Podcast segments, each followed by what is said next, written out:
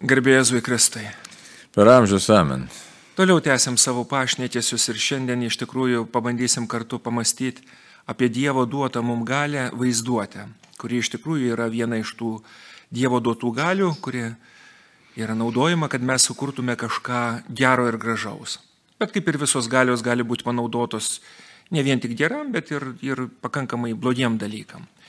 Ir vienas iš tokių dalykų tai yra, drąsiai galėtume sakyti, kaip melas, prisigalvojimas arba nukrypimas nuo tiesos, nes tiesa pagal seną apibrėžimą, klasikinį apibrėžimą, neseną apibrėžimą, tai yra žmogaus proto atitikimas tikroviai. Bet aš galiu prisigalvoti, pasakyti, kad tikroviai nėra šitų dalykų arba iškreipti šitą dalyką. Ir tokiu būdu mes gyvenam tokiam laikotarpį, kai netiesa vadovauja, bet nuomonė arba atvirai sakyti, meladiena, kaip dabar įprasta sakyti. Ir tos meladienos yra pakankamai daug išoriniai tikroviai. Bet lygiai ta pati vaizduotė, jeigu neišmintingai naudojama, labai stipriai vardina ir mūsų dvasinį gyvenimą. Iš vienos pusės, pavyzdžiui, mes esam kviečiami įsivaizduoti apmastydami šventą įraštą, ypatingai pagal Ignacą Lojolą, iš kitos pusės bažnyčios dykumų tėvai perspėja, kad, nu, žiūrėkit jūs ten kažkaip, ot, kaip pats matai, šio laikmečio rūpestis dėl neteisingo, neišmintingo vaizduotės vartojimo dvasiniam gyvenimui. Jo, čia labai svarbi tema ir čia galėtume taip ir ne, pasižiūrėti plačiau, nu, ta prasme, taip. kad asmenybė iš ko susideda, tai ne protas, valia, jausmai, tai tie jausmai mes galim kalbėti apie pačius žemiausius jausmus, instinktus, galim kalbėti apie emocinį tokį gyvenimą ir paskui tas emocinis gyvenimas labai stipriai įtakoja, emocinis jausminis gyvenimas, galime emocijos ir jausmai, ne vėl tokie susiję ir to pačiu skirtingi dalykai. Jeigu kalbėt, galim kalbėti apie aukštesnius jausmus, galim kalbėti žemesnius jausmus ir jie labai stipriai įtakoja mūsų protavimą. Iš tikrųjų, dabar jeigu žiūrėtume ir Tomą Kvinėtį imkim, arba ne, nebūtinai tik Tomą galime, ir šiaip bažnyčios mokymą aiškiai apibriežta, kad žmogus turi protingą sielą. Ir ta protinga siela talpina savyje tokio, nu, jos iš tikrųjų prioritetas ir yra, kad vadovautis protu. Taip kaip čia angeliška savybė, angelas, sakysim, kaip, aiškiai, jeigu žiūrėtume bažnyčios tėvus kalbėjimą, bažnyčios apskritai kalbėjimą apie angelus, tai jie emocijom ir jausmais nesivadovauja. Ir jeigu pagal tą irgi asmenybės struktūrą, tai, aišku, bažnyčios tą tokį matymą, iš tikrųjų, apreikštą protą, tai vis dėlto švies, šviesa, didžiausia šviesa, tai yra mums protas duotas. Taip. Protas, ir jeigu žiūrėsimėt, grinai dogma yra, žmogus turi protingą sielą. Tai Protas yra sielos duotybė, sielos savybė. Kad kartais tas protas negali veikti dėl tam tikrų fiziologinių ar fizinių ten kažkokių strikdžių, nepilnai išvystytas, dėl kultūrinių dalykų gali neveikti mūsų pilnai protas, kas čia duotas tos toj mūsų dėžiai. Tas instrumentas gali neveikti. Bet siela yra protinga. Tai dabar protingos sielos tikslas koks yra? Pažinti Dievą ir pažinus Dievą jį garbinti. Iš tikrųjų, nes apreiškimo knyga, ką sako, visi ten tie vyresnieji, 24 vyresnieji puola prieš avinėlį, prieš, prieš jo sostą, numeta savo vainikus, žodžiu, šlovina Dievą. Tai kad mes iš sukurtosios e, tos aplinkos pažintume Dievą ir jį garbintume. Dabar e, šio laikinė teko bendrauti, aišku, su tokiais, nu, psichiatrai, psichologais, e, šio laikinė psichiatrija ką sako kad šio laikinis žmogus labai menkai, iš vis galbūt žmogus sakau šio laikinis, bet kalbame aktualiai. Mhm. Taip aktualią, kad, nu, tokie tyrimai padaryti, kad e, žmogus realiai pažįsta pasaulį labai menkai, tik net, taip, net graudų baisų klausyti, apie 15 procentų. Įsivaizduoji? 15 procentų mes tik tai pažįstam realybę, tai sakytume, kaip čia nukelia, matau, e, viską, e, bet visa kita yra interpretacijos, ką reiškia realybė. Tai realybė nėra tik tai, kad aš turiu šaukštą, turiu peilį, šakutę, turiu lovą, dar kažkas, tai, bet realybė tai yra mūsų tas vidinis gyvenimas, vidinis pasaulis. Tiesa dar yra, ne? Tai, tai proto už tai uždavinys yra pažinti tiesą. Ir kai mūsų emocijos, jeigu jos ima dominuoti, o dominuoja emocijos tada, kai mes protas nustoja stipriai veikti, aiškiai, nustojam analizuoti ir e, kas vyksta aplinkui, nustojam vertinti, neturim vertybių iš tikrųjų atskoordinacijų sistemos.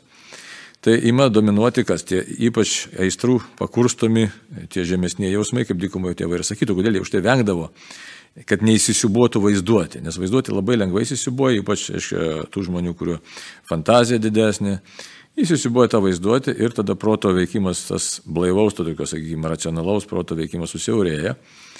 Ir tik pat ir tikėjimo kelionėje prasideda tada interpretacijos. Vis daugiau ir daugiau tų interpretacijos gali užvaldyti žmogaus protą, užvaldyti tą jo sąmonę ir imi nebeskirti, kur yra tiesa, tiesiog pateikti tom savo interpretacijom, savo fantazijom. Kuo, kuo tai gali, kaip sakyti, baigtis, ar kaip tai pasireiškia, kaip tai įtakoja mūsų gyvenimą, tai, tai galim tik pasižiūrėti.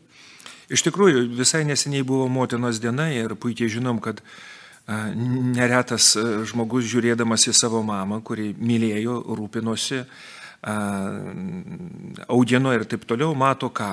Vaizduotės interpretacija arba interpretacija savo, nedavė to, nedavė, nesuteikė to, nesuteikė to, o meilės ir rūpeščio ir daugelio kitų dalykų net nepamato tikroviai. Tas protas, vadinkim, protas interpretacijas visiškai nebeprasimuša ir tada jau tas netgi gerb tėvą ir motiną, bet už ką gerbt?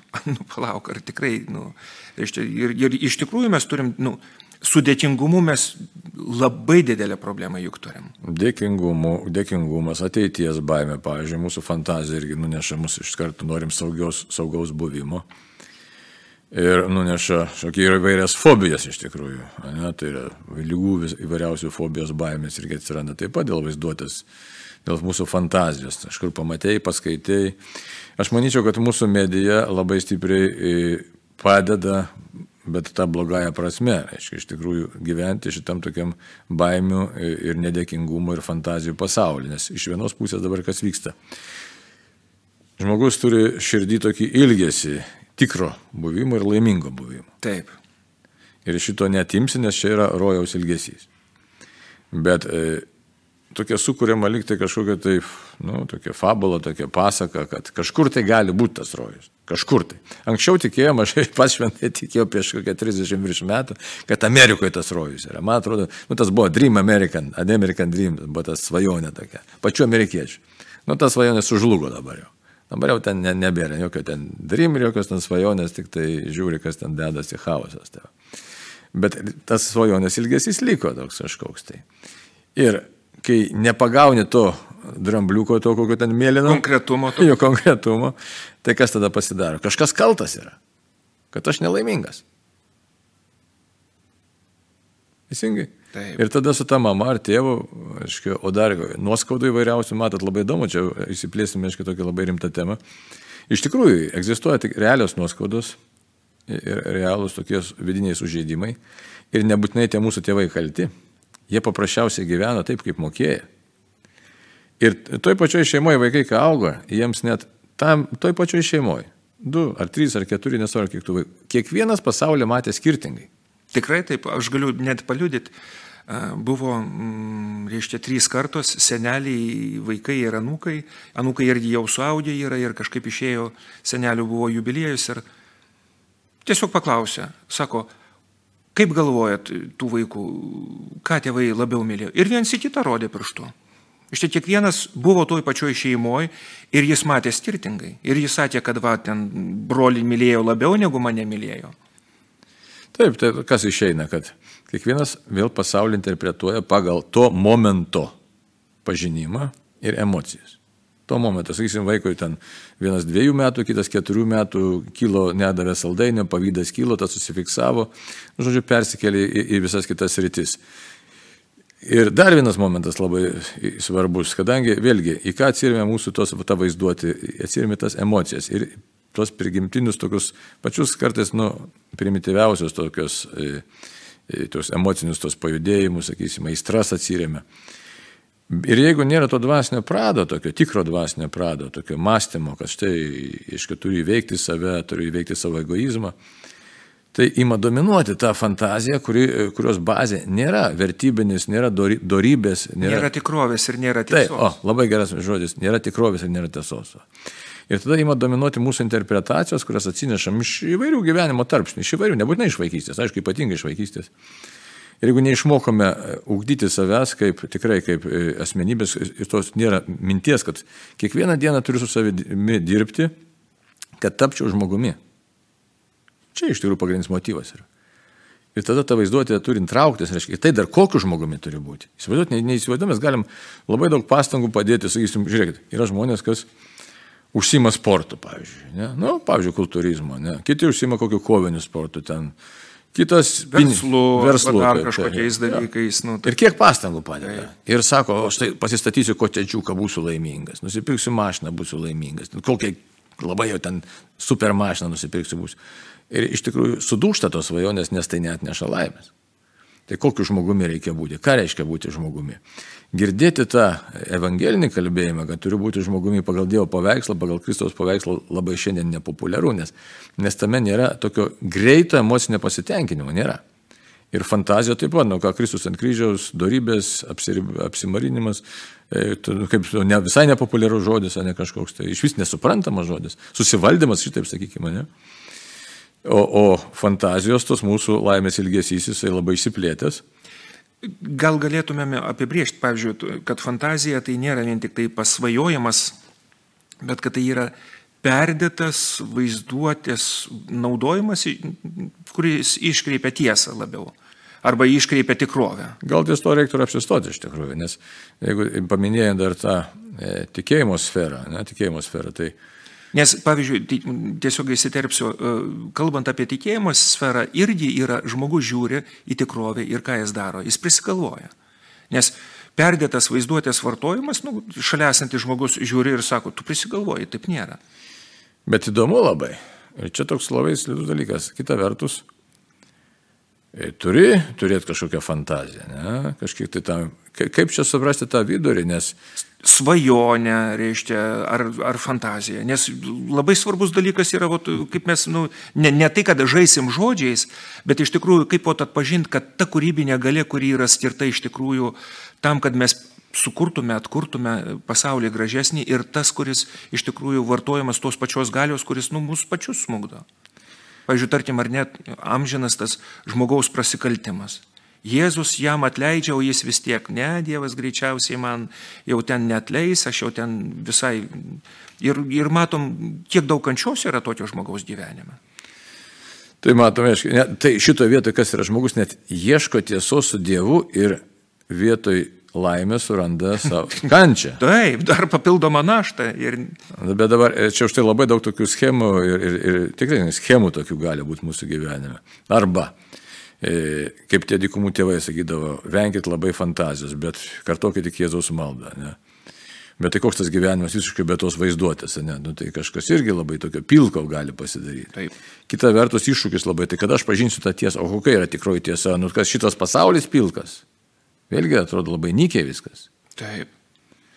Dabar, jeigu tikėjimo kelionė, tie, kurie ten įvairiausio dalyvavo ištarimo pamaldose, charizminiam judėjime, Kaip sunku atskirti tikrą šventosios dvasios kalbėjimą nuo savo vaizduotės. Taip. Ir koks pavojus, jeigu tu patenki vaizduotę. Vaizduotės tą dominavimą.